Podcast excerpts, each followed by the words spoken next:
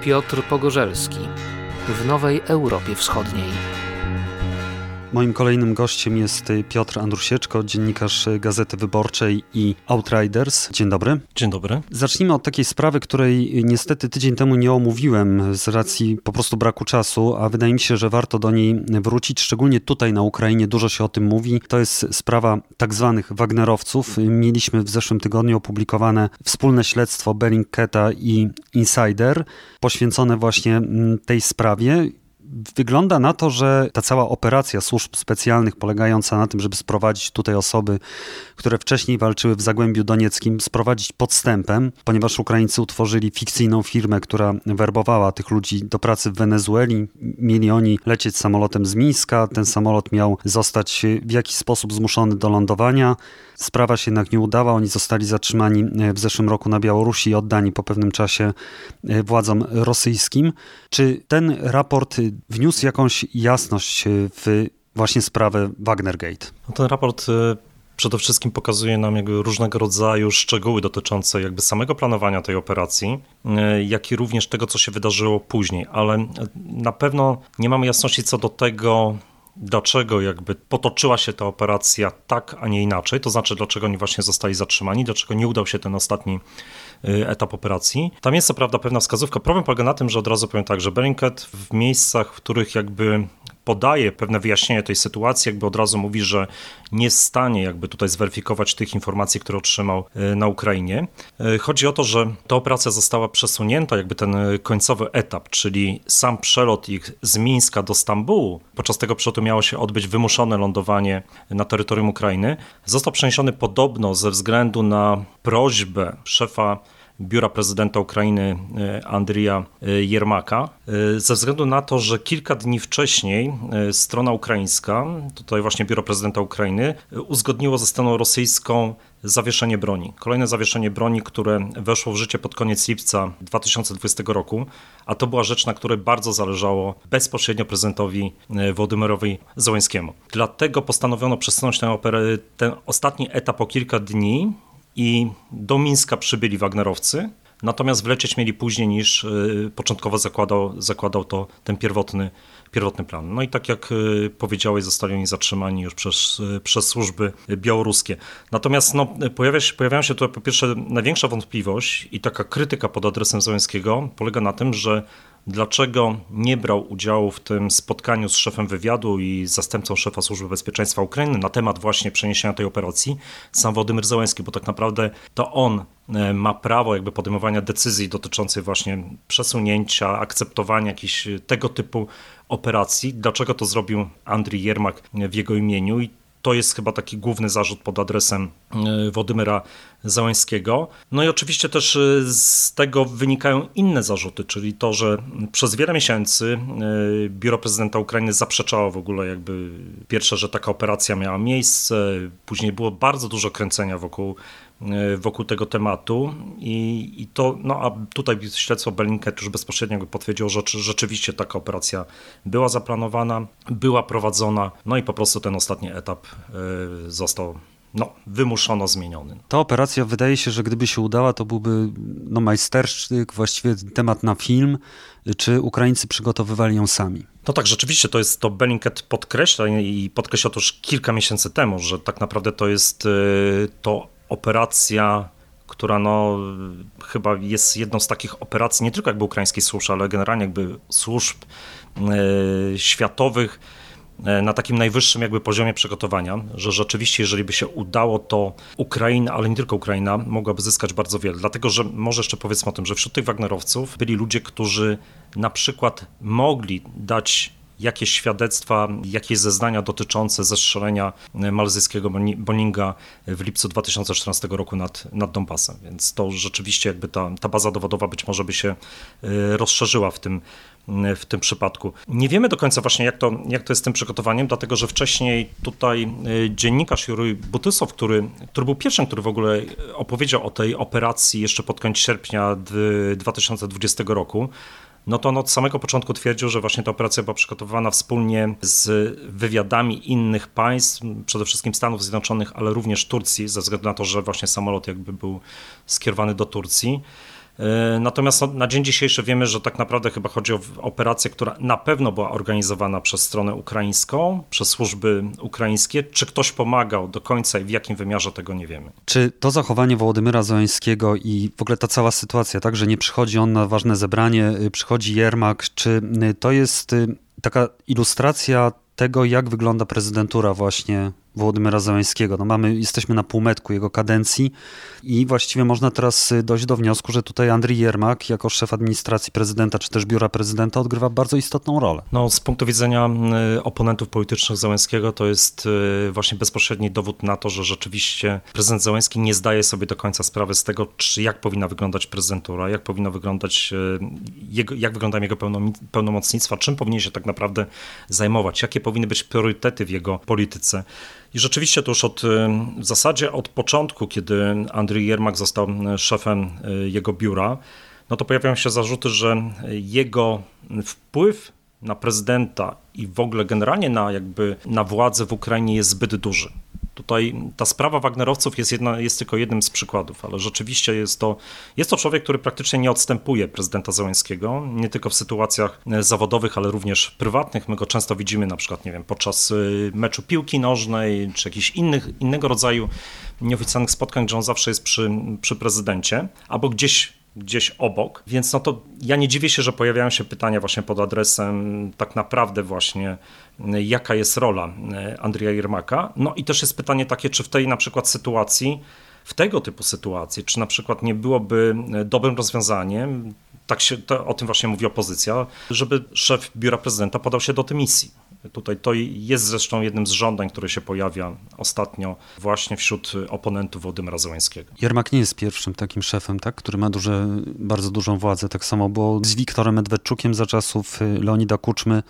Gdzie jest błąd w tym systemie? Trudno do końca powiedzieć. Być może to jest spowodowane samą osobowością jakby prezydenta Władimira Zełańskiego. To znaczy tutaj jakby rzeczywiście widzimy, że Zełenski jest bardzo przywiązany do ludzi, którzy są blisko niego. To znaczy, że jest w stanie ich bronić. Ja pamiętam konferencję prasową, ostatnią dużą konferencję prasową e, Zełańskiego, która była bodajże w maju. I tam, kiedy padły właśnie pytania, padały pytania pod adresem dotyczące właśnie ich relacji, Jermaka, jego roli Jermaka i tak dalej, no widać było ewidentnie, że Zełański broni swojego szefa biura prezydenckiego. No i też e, wielu analityków pisze właśnie w, o tym, że jakby w, w sytuacji, kiedy rzeczywiście mm, on uważa, że ktoś jest lojalny wobec niego, to znaczy uważa kogoś nawet bliżej niż tylko jakiegoś takiego partnera tym w życiu politycznym, czy też właśnie w, w sprawowaniu swojej władzy, no to też y, z tego wynika to, że on będzie bronił takiej osoby. I dlatego być może trudno mu jakby pozbyć się Jermaka, trudno mu y, właśnie doprowadzić do takiej decyzji, która właśnie była spowodowała jego, jego dymisję. No i też z drugiej strony wydaje mi się, że jest pytanie tego, że tak naprawdę no a kto miałby zastąpić Andrzeja Jermaka, to znaczy no Zemskiemu jest ktoś potrzebny, ktoś do kogo będzie miał duże zaufanie. Ewidentnie do Jermaka on takie zaufanie ma i wydaje mi się, że znaleźć inną osobę byłoby trudno. No tak, tylko mi się wydaje, że może jest błąd taki, że ta administracja prezydenta w ogóle ma za duże znaczenie tutaj. No tak, to jest jakby to jest problem od samego początku, bo właśnie tak jak wspomniałeś, y, mieliśmy tych szefów Teraz to się nazywa biuro, ale rzeczywiście to przez wiele lat się nazywało mm, administracja prezydenta. Tych szefów było bardzo wielu. Wielu z nich określano mianem szarych kardynałów w ukraińskiej polityce. Krytycy od samego początku pokazywali, że też nie ma umocowania do końca prawnego, jakby ten, ten status ich, y, nie ma przepis, przepisania jakby ich stanowiska w konstytucji, więc rzeczywiście to jest jakby pytanie, mi się wydaje, że y, oczywiście wiele tutaj zależy od konkretnych prezydentów, to znaczy, ale nawet y, silne osobowości, takie jak, jak wspominałeś, chociażby prezydent Leonid Kuczma, tak, jakby no to jednak no, był dosyć silnym prezydentem, który był przez dwie kadencje, to tym niemniej no jednak też miał właśnie takiego wspomnianego Medwedczuka, który w pewnym pewnym momencie no, jego władza była bardzo duża i te nieoficjalne jakby też e, elementy jakby tej władzy, one były, były widoczne, o tym dosyć później wiele już e, mówiono, chociażby kontakty z mediami i tak zwane temniki, czy rozsyłanie różnego rodzaju instrukcji mediom, jak należy pisać o poczynaniach właśnie władzy. Jeżeli byśmy popatrzyli na tę połówkę kadencji i na politykę wobec Zagłębia Donieckiego, wobec Krymu, czy tutaj Władimir Zeleński ma wreszcie jakąś jasną linię, bo mieliśmy na przykład krymską platformę latem i właściwie ona się odbyła i teraz nie wiadomo co dalej, co się z tym dzieje. Tak, tutaj odpowiedź nie jest jednoznaczna, bo no z jednej strony, jeżeli spojrzymy najpierw na Donbas e, i pamiętamy, z jakimi hasłami do prezentu szedł Wołodymyr Załański, to jednym z głównych było właśnie zakończenie wojny e, na wschodzie kraju. Myślę, że dla niego on dosyć szybko zrozumiał, że tak naprawdę właśnie tej wojny tak szybko nie da się zakończyć. Myślę, że tym momentem przełomowym było spotkanie z Władimirem e, Putinem w grudniu 2019 roku w Paryżu. I od tego momentu nastąpiła pewna zmiana w jego polityce, ale e, ta polityka opiera się na przykład na takich e, elementach jak minimalizowanie strat na wojnie. To znaczy, dlatego mu tak, ja rozumiem, że dlatego mu zależało tak bardzo na tym zawieszeniu broni, które zostało podpisane w ubiegłym roku. No problem polega na tym z tym zawieszeniem, taki jak i z poprzednimi 29 zawieszeniami broni, że ono działa tylko do pewnego momentu. I to wcześniej czy później ono się po prostu kończy, zostaje takim zawieszeniem na papierze, bo teoretycznie ono trwa do dnia dzisiejszego, mm, ale w praktyce od w zasadzie od początku tego roku no widzimy zaostrzenie na Donbasie, to znaczy widzimy, że zwiększa się intensywność ostrzałów, używana jest artyleria, no i ginie też coraz więcej żołnierzy ukraińskich, jest coraz więcej rannych, więc jakby no jest pytanie w ogóle o sens jakby mm, trwania tego zawieszenia broni. Jeżeli chodzi o Krym, to rzeczywiście wydaje mi się, że tutaj jednak pewien przełom nastąpił, dlatego że no, Platforma Krymska to jest przynajmniej próba jakiejś nowej inicjatywy dyplomatycznej, dlatego że temat Krymu praktycznie po 2013 roku on trochę zniknął jakby z tej szeroko rozumianej dyplomacji ukraińskiej. To znaczy, owszem, jakby no, były, były co roku przyjmowane rezolucje w ONZ dotyczące właśnie właśnie e, Krymu e, na czym zależało stronie ukraińskiej. Oczywiście partnerzy zachodni, czy Unia Europejska i Stany Zjednoczone przedłużały sankcje, przedłużają nadal sankcje po tym, jak zostaną wprowadzone po aneksji Krymu, ale to w zasadzie wszystko, to znaczy nic więcej w tej, w tej materii się nie działo. Natomiast no, to jest jakby próba czegoś, zrobienia czegoś nowego, jakby otworzenia takiego nowego frontu dyplomatycznego, zmuszenia w ogóle jakby do powrotu do rozmów o przyszłości Krymu. Oczywiście tutaj nie ma mowy o zaciągnięciu do stołu rozmów jakby samej Rosji, to było zrozumiałe od początku, ale przynajmniej do mobilizacji jakby zachodnich partnerów, nie tylko zachodnich zresztą, po to, żeby rozrobić jakąś właśnie strategię jakby wspólnego, wspólnego działania. I być może nawet też ważniejszą od samej takiej strategii to są jakby pewne takie, nazwijmy to, takie elementy taktyczne jakby tych działań. Czyli chodzi o konkretne rzeczy, które można by zrobić już teraz, czyli na przykład y, programy oświatowe, które są skierowane dla ludności. Bo na przykład wydaje mi się, że jednym z takich głównych punktów tej platformy krymskiej to jest to, żeby mieszkańcy Krymu nie stracili kontaktu z Ukrainą.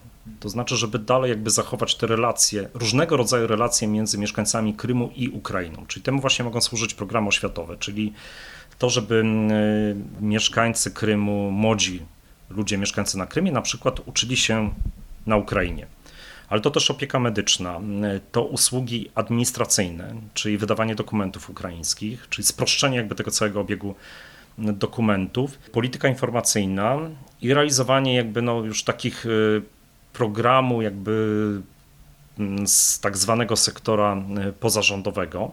No tak naprawdę to wszystko zostało ogłoszone podczas tej platformy krymskiej.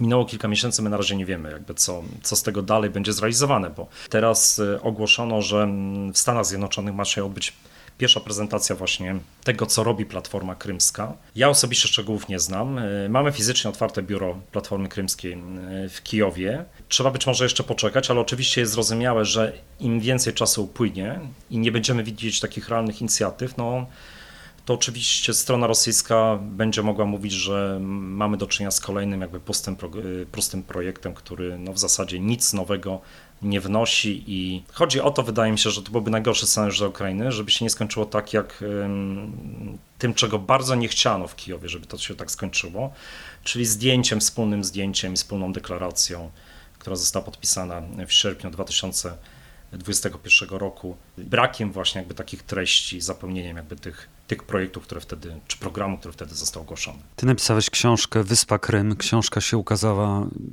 wersji elektronicznej, wydana przez Outriders. No, bywałeś na Krymie już po aneksji, yy, śledzisz, co się tam dzieje. Czy ci ludzie tam rzeczywiście są zainteresowani właśnie tym, o czym mówiłeś, czyli kontaktami z Ukrainą? Od razu ściszę, że książka to jest może za dużo powiedziane, to jest trochę taki mini e-book, mm, dlatego że w zasadzie to początkowo to miał być materiał na duży reportaż multimedialny. Tego materiału było trochę więcej i postanowiliśmy to wydać w formie już właśnie e-booka, zresztą z dużą ilością ilustracji.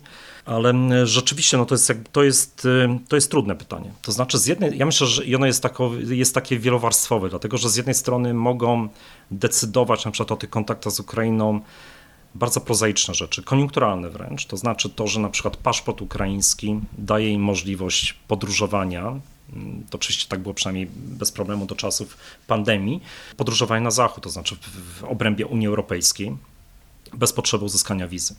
Paszport wydany, y, rosyjski wydany, gdzie jest spisane, że on został wydany na Krymie, nie pozwala im o, ubieganie się nawet o wizę w państwach Unii Europejskiej, więc chociażby dlatego ten, y, ten popyt na paszporty ukraińskie podobno był dosyć duży. Ja teraz już nie pamiętam dokładnych cyfr, ale jakby sporo do pandemii przynajmniej tych paszportów y, wydano. Rzeczywiście trochę się dzieje jakby w tych kwestiach oświatowych, to znaczy szkolnictwo wyższe otworzyło się jakby na młodzież z Krymu.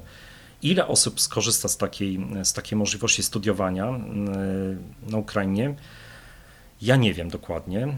E, to jest oczywiście utrudnione, no bo no to jest właśnie, jednak jesteś na celowniku, tak, jakby w pewien sposób, jeżeli e, wyjeżdżasz. To znaczy, to jest też problem, ja myślę, dla wielu rodzin, tych rodzin, które też, na przykład Tatarów krymskich, którzy no, z jednej strony nie chcieliby, żeby ich dzieci uczyły się na Krymie w rosyjskich szkołach, tam jeszcze do tego trzeba doliczyć, że dla mężczyzn to jest jeszcze kwestia służby wojskowej w armii rosyjskiej. Natomiast ich wyjazd y, na naukę do Ukrainy kontynentalnej, tak to powiedzmy, no, powoduje, że tak naprawdę w wielu przypadkach prawdopodobnie oni nie wrócą już na Krym. To znaczy, że mogą pozostać tutaj, w Kijowie, w dużych miastach, w Lwowie, i po prostu rozpocząć swoją już życie zawodowe, karierę w innych miejscach. No i to jest problem, dlatego że to jest oczywiście jakby wyludnianie z kolei jakby tego Krymu z punktu widzenia Tatarów krymskich.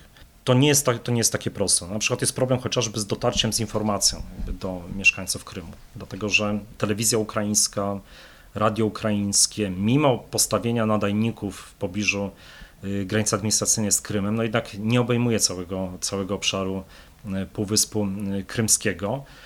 Oczywiście teoretycznie można w internecie jakby te wszystkie informacje znaleźć, ale wiemy jak to się tak naprawdę odbywa w naszym świecie, że jednak no, rządzi telewizor cały czas. No, w zasadzie głównym kanałem informacyjnym dla nich jest pozostaje jednak telewizja rosyjska, czy też telewizja krymska rosyjska, więc tutaj też to jest wyzwanie, jak dotrzeć właśnie z informacją do tych, do tych ludzi. Cały czas są związki rodzinne, też o tym nie, nie należy zapominać, że wiele osób no, ma właśnie rodziny albo z, albo z różnych regionów Ukrainy y, na Krymie, albo na Krymie w różnych obwodach y, na Ukrainie, więc to jest też ten element wiążący, więc nawet z punktu widzenia czysto takiego humanitarnego, jakby no jest zrozumiałe, że jakby trzeba pomagać, jakby, żeby oni mogli jakby przynajmniej odwiedzać się, żeby, a temu też na przykład y, może służyć rozbudowa tak, tak zwanych przejść granicznych na tej granicy administracyjnej, bo rzeczywiście tutaj e, to uległo, to uległo zmianie. Ja byłem w tym roku na jednym z, jednym z tych przejść i teraz to wygląda tak, że na przykład można tam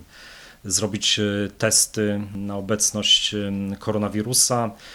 Można złożyć dokumenty na wydanie paszportu, można na miejscu zrobić zdjęcie do takiego paszportu, więc rzeczywiście te usługi administracyjne one na pewno ułatwiają. To znaczy, że teraz osoba z Krymu nie musi nawet jechać gdzieś tam do Hersonia, czyli dosyć daleko jednak od tej granicy administracyjnej, ale może po prostu złożyć pakiet takich e, dokumentów od razu e, na miejscu, no to na pewno ułatwia. Natomiast no, ja myślę, że tutaj tych, tych wyzwań pozostaje bardzo dużo. Jest tak, że generalnie Ukraina ona zostaje cały czas tym takim tematem jakby rozmów też na Krymie, bo ja pamiętam dobrze, jak byłem ostatni raz w 2019 roku, kiedy miały miejsce wybory e, prezydenckie e, na Ukrainie i temat wyboru był jednym z głównych tematów omawianych przez ludzi, to znaczy to było słychać w kawiarniach, to było słychać na ulicach. Bardzo wiele o Wołodymyrze Zełańskim, bardzo wiele nadziei też wiązano z Wołodymyrem Zełańskim, przede wszystkim właśnie no, ze względu na jego, jego dotyczące że zakończenia wojny e, na wschodzie Ukrainy, co też jak ja rozumiem mieszkańcy Krymu przyjmowali jako możliwość też uregulowania być może tych relacji właśnie zanektowanego Krymu e, z Ukrainą. Piotr Andrusieczko, dziennikarz Gazety Wyborczej Outriders i autor mini e-booka Wyspa Krym. Dziękuję bardzo. Dziękuję.